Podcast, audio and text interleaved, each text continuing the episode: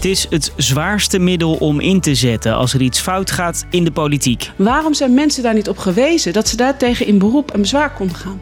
Ja, ik weet niet waarom. Dat durf ik je niet te zeggen. En ministers en staatssecretarissen moeten er in al die jaren regelmatig hun koffer doorpakken. En daarom heb ik besloten zelf, per direct, uit het kabinet te stappen. Ik heb het over de parlementaire enquête. In de afgelopen 40 jaar waren er 11. En nu lopen er drie tegelijk. Die naar gas in Groningen is weer begonnen.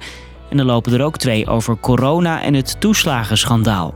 En dat zegt wel iets. Nou, dat er dus heel veel uh, dingen mis zijn gegaan de afgelopen jaren, waarbij de overheid uh, een rol heeft gespeeld. Wat is die parlementaire enquête? Wat levert het op? En is de spanning nu groot in het kabinet? Ik ben Marco en ik leg het je allemaal uit. Lang verhaal kort. Een podcast van NOS op 3 en 3FM. Goedemorgen. Ik uh, open de vergadering van de parlementaire enquêtecommissie aardgaswinning Groningen. We herstarten onze verhoren. Om te beginnen, wat is zo'n parlementaire enquête? In de grondwet staat dat de Eerste en Tweede Kamer een recht van enquête hebben.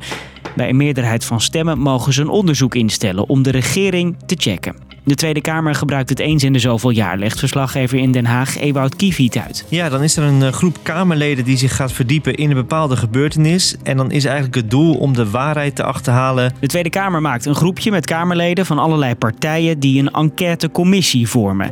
En zij kijken wat moet er onderzocht worden, op welke vragen moeten we daarvoor een antwoord krijgen en hoe gaan we het onderzoeken. Als de commissie documenten opvraagt, dan moeten die gegeven worden en ze kunnen ook getuigen oproepen. Eigenlijk zitten er een aantal mensen achter een tafel, Kamerleden, en die stellen vragen aan iemand die daarvoor zit. En ja, voorafgaand moet hij dus de eed of de belofte afleggen dat hij echt de waarheid spreekt. Dat beloof ik. Dat beloof ik. Het gaat dan vaak om uh, oud-ministers, topambtenaren en topmensen uit het bedrijfsleven. Die getuigen moeten meewerken en als je de waarheid niet spreekt, kan je in de cel belanden. Na onderzoek schrijft de commissie een rapport en dat wordt gepresenteerd aan de Tweede Kamer. Het zware hieraan is dus dat mensen moeten echt de waarheid spreken en moeten dus komen opdagen. Nou, en zo'n rapport weegt daarmee dan ook vaak wel heel zwaar. En je hebt trouwens ook nog een light variant, de politieke ondervraging. Dat is een soort mini-enquête.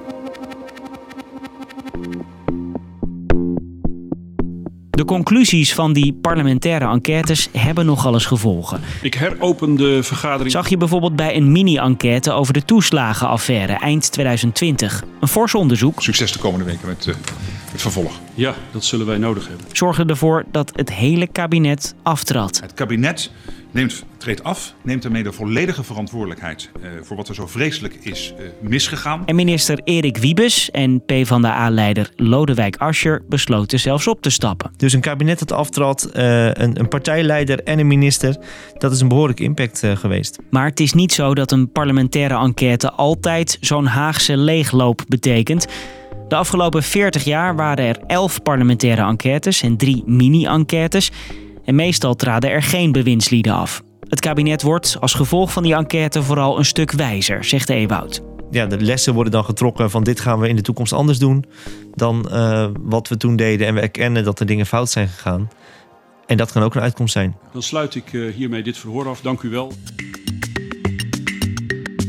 Nu weet je wat die parlementaire enquête allemaal kan doen. En het kabinet Rutte 4 krijgt er dus drie de komende tijd. En dat is uniek. Dat zijn er heel wat. De toeslagenaffaire, de aardgaswinning in Groningen en de aanpak van de coronacrisis. De enquête over de gaswinning in Groningen is dus nu weer begonnen.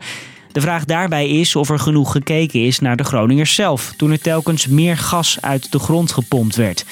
En hierna komen er nog twee andere enquêtes aan. En dus lijkt er volgens sommigen stormopkomst. Dat is wel heel veel risico voor de val van een kabinet kunnen ze dan wel de rit uitzitten. Ja, tegelijkertijd hoeft het niet zo te zijn dat het kabinet aftreedt over zo'n enquête. Maar er is wel spanning. Uh, ja, misschien ook wel vooral nieuwsgierigheid naar die verhoren. En dan wordt er bijvoorbeeld nieuwsgierig uitgekeken naar Hugo de Jonge. Wat hij gaat vertellen over zijn tijd als coronaminister. Ja, dus tenminste... Maar conclusies laten nog even op zich wachten. De enquête over Groningen zal ergens eind dit jaar af zijn. En de andere twee duren wat langer. Die voorbereidingen zijn nu bezig. Dus dat gaat waarschijnlijk ook nog wel twee jaar duren voordat dat uh, afgerond is. We zijn uh, uitgevraagd als commissie. Ik dank u zeer voor uw uh, medewerking. Dag. Dus lang verhaal kort, de Tweede Kamer kan een parlementaire enquête instellen als ze willen controleren hoe de regering iets deed. Het belangrijkste is dan erachter te komen hoe dat allemaal is gegaan. Het gevolg is soms dat naar boven komt dat dingen niet goed zijn gegaan en een kabinet of ministers moeten vertrekken. Dit kabinet Rutte heeft nu drie van dit soort enquêtes lopen. En dat was hem weer. Daarmee sluit ik deze aflevering en ik verklaar en beloof dat we er elke werkdag weer zijn rond de klok van vijf. Dat beloof ik. Dat beloof ik.